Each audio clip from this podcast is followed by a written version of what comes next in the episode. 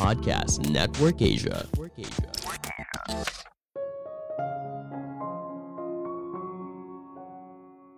Lupa itu adalah hal yang wajar karena otak kita memang tidak sempurna. Halo semuanya, nama saya Michael. Selamat datang di podcast saya, Sikutu Buku. Kali ini saya akan membahas kalau lupa adalah hal yang sangat wajar dan normal terjadi. Ini merupakan rangkuman dari video TED Talk Lisa Genova yang berjudul How Your Memory Works dan diolah dari berbagai sumber. Sebelum kita mulai, buat kalian yang mau support podcast ini agar terus berkarya, Caranya gampang banget. Kalian cukup klik follow. Dukungan kalian membantu banget supaya kita bisa rutin posting dan bersama-sama belajar di podcast ini.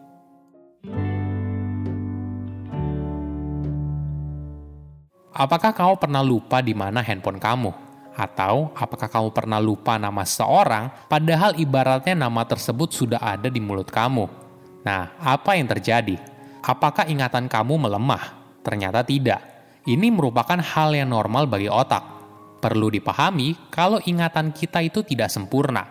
Otak kita tidak didesain untuk mengingat nama orang lain, mengingat untuk melakukan pekerjaan yang kita tunda, atau menyimpan semua hal yang kita temui. Ketidaksempurnaan ini adalah hal yang sangat wajar bagi otak. Bahkan bagi orang tercerdas sekalipun, ingatan mereka juga tidak sempurna Seorang pria yang bisa menghafal 100 ribu angka dari pi bisa juga melupakan ulang tahun istrinya atau lupa apa yang dilakukan saat ke dapur. Kebanyakan dari kita akan lupa mayoritas yang kita lakukan hari ini pada keesokan harinya. Artinya, kita tidak benar-benar mengingat banyak hal dalam hidup. Jadi, apa yang menentukan apa yang kita ingat dan apa yang kita lupakan? Nah, ada contoh yang menarik. Pasti kamu pernah lupa di mana kamu taruh handphone, kunci, kacamata, atau bahkan lokasi parkir mobilmu. Komposisi utama dalam membuat sebuah ingatan adalah sebuah perhatian. Ingatan kita bukan seperti kamera video yang merekam apa pun yang kamu lihat atau dengarkan. Kamu hanya bisa mengingat hal yang kamu perhatikan. Ada contoh lain yang mungkin saja kamu alami. Kamu melewati jalan yang sama setiap harinya, setiap kali kamu berangkat kerja atau berangkat sekolah Suatu hari, tiba-tiba saja kamu baru ingat, Nah, tadi tuh udah kelewatan belum ya toko roti yang ada di sebelah kiri 500 meter sebelum sampai ke lokasi yang kamu inginkan? Ini kejadian yang sangat normal terjadi. Walaupun kamu sudah melewatinya berulang-ulang, otak kamu tidak akan menyimpan itu sebagai ingatan tanpa kamu perhatikan hal tersebut. Mungkin saja saat itu kamu sedang melamun, dengerin radio, sedang ngobrol, dan sebagainya Selain kurangnya perhatian, ada alasan lain kenapa kamu lupa nama seseorang. Misalnya kamu sedang penasaran, siapa ya nama dari orang yang baru saja kamu temui? Namanya masih tersimpan di otakmu dan kamu bisa bercerita segala hal tentang orang tersebut. Namun tetap saja kamu tidak bisa menyebutkan siapa namanya. Ini sering kali disebut sebagai tip of the tongue dan sebuah kejadian yang sangat normal.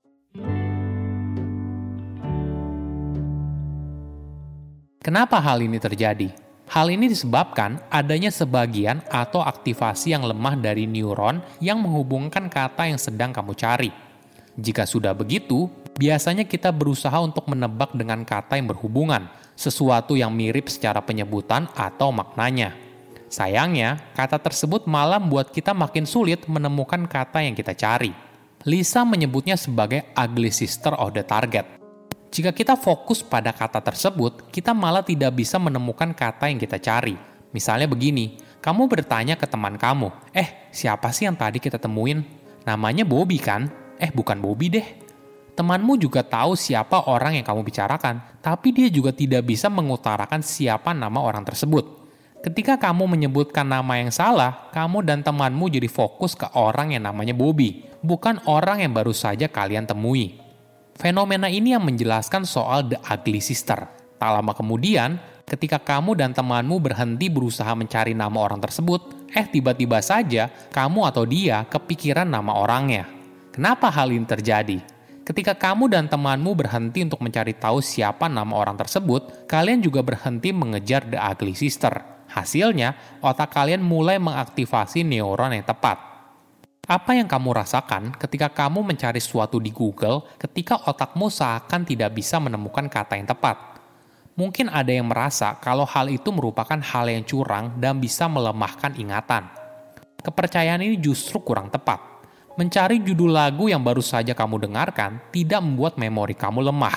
Sebaliknya, ketika kamu memaksa otakmu untuk datang dengan jawaban yang tepat, hal ini tidak membuat otakmu menjadi kuat. Kita harus bisa berdamai dengan keadaan ini dan menyadari kalau semua ini merupakan hal yang wajar terjadi.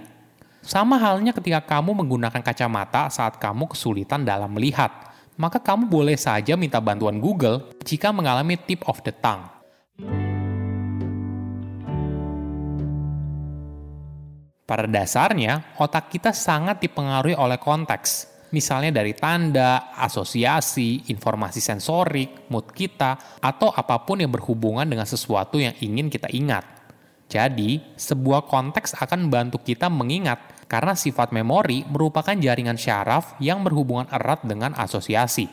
Misalnya begini, pernah nggak kamu di tempat tidur, mau baca buku, lalu baru ingat kalau kacamata kamu tidak ada? Kamu pun mengingatnya kalau kacamata itu kayaknya ada di dapur deh. Kemudian kamu berjalan dari kamar ke dapur, ketika di dapur, kamu tiba-tiba saja lupa, mau ngapain ya saya ke dapur? Pernah nggak kamu berada di situasi tersebut? Nah, kalau pernah, ini merupakan hal yang wajar terjadi Hal ini disebabkan ketika kamu di kamar tidur, semua tanda yang kamu butuhkan ada di sana. Lemari buku, buku yang kamu mau baca, waktu yang cocok, dan barulah kamu ingat kalau kamu butuh kacamata. Nah, ketika kamu sampai di dapur, tanda yang ada di sana jauh berbeda. Tanda di situ justru mengarah ke hal seperti ini. Apakah kamu haus? Apakah kamu lapar? Bukan soal kacamata, jadi wajar saja kamu bisa lupa apa yang ingin kamu lakukan ketika ada di sana. Jadi, apa yang harus kamu lakukan? Jika kamu berada di situasi tersebut, coba berhenti sejenak dan kembali lagi ke ruangan di mana kamu mengingat ingin melakukan sesuatu. Kalau di contoh sebelumnya, coba kamu kembali ke kamar tidur, baik secara langsung atau diimajinasikan di otakmu saja.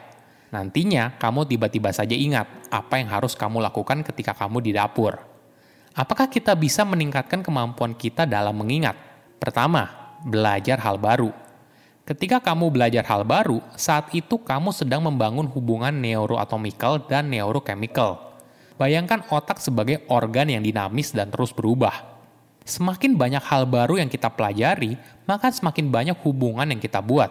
Menariknya, ada mitos yang mengatakan kalau bermain teka-teki silang bisa membantu kita dalam mengingat. Ternyata tidak. Teka-teki silang hanya membantu kamu untuk mengingat kata yang sudah kamu tahu jadi kamu akan semakin baik di kata tersebut, tapi tidak pada kehidupan sehari-hari. Kedua, olahraga. Ada riset yang menunjukkan kalau olahraga teratur bisa mengurangi resiko kita untuk mengalami demensia atau penurunan daya ingat hampir 50%. Olahraga juga punya peran untuk meningkatkan kemampuan kita dalam mengingat di segala usia, mulai dari anak-anak hingga dewasa. Olahraganya juga tidak perlu terlalu berat, cukup jalan kaki 10 menit setiap harinya juga sudah bisa kamu nikmati manfaatnya. Ketiga, tidur yang cukup. Banyak orang menyepelekan waktu tidur. Bahkan bagi orang yang usianya masih muda, ada ungkapan seperti ini, sleep is for the weak. Ini merupakan pemikiran yang berbahaya. Perlu dipahami, ketika kamu tidur, tubuh kamu ternyata sangat sibuk ingatan yang terjadi hari ini akan menjadi ingatan jangka panjang saat kamu tidur. Jadi, tidur bertanggung jawab untuk menyimpan informasi dan pengalaman yang kamu alami di sepanjang hari. Otak kita tidak didesain untuk mengingat semua hal yang kita lihat atau dengar, tapi hanya mengingat hal yang kita perhatikan. Saya undur diri, jangan lupa follow podcast Sikutu Buku. Bye-bye. Pandangan dan opini yang disampaikan oleh kreator podcast, host, dan tamu tidak mencerminkan kebijakan resmi dan bagian dari podcast Network Asia.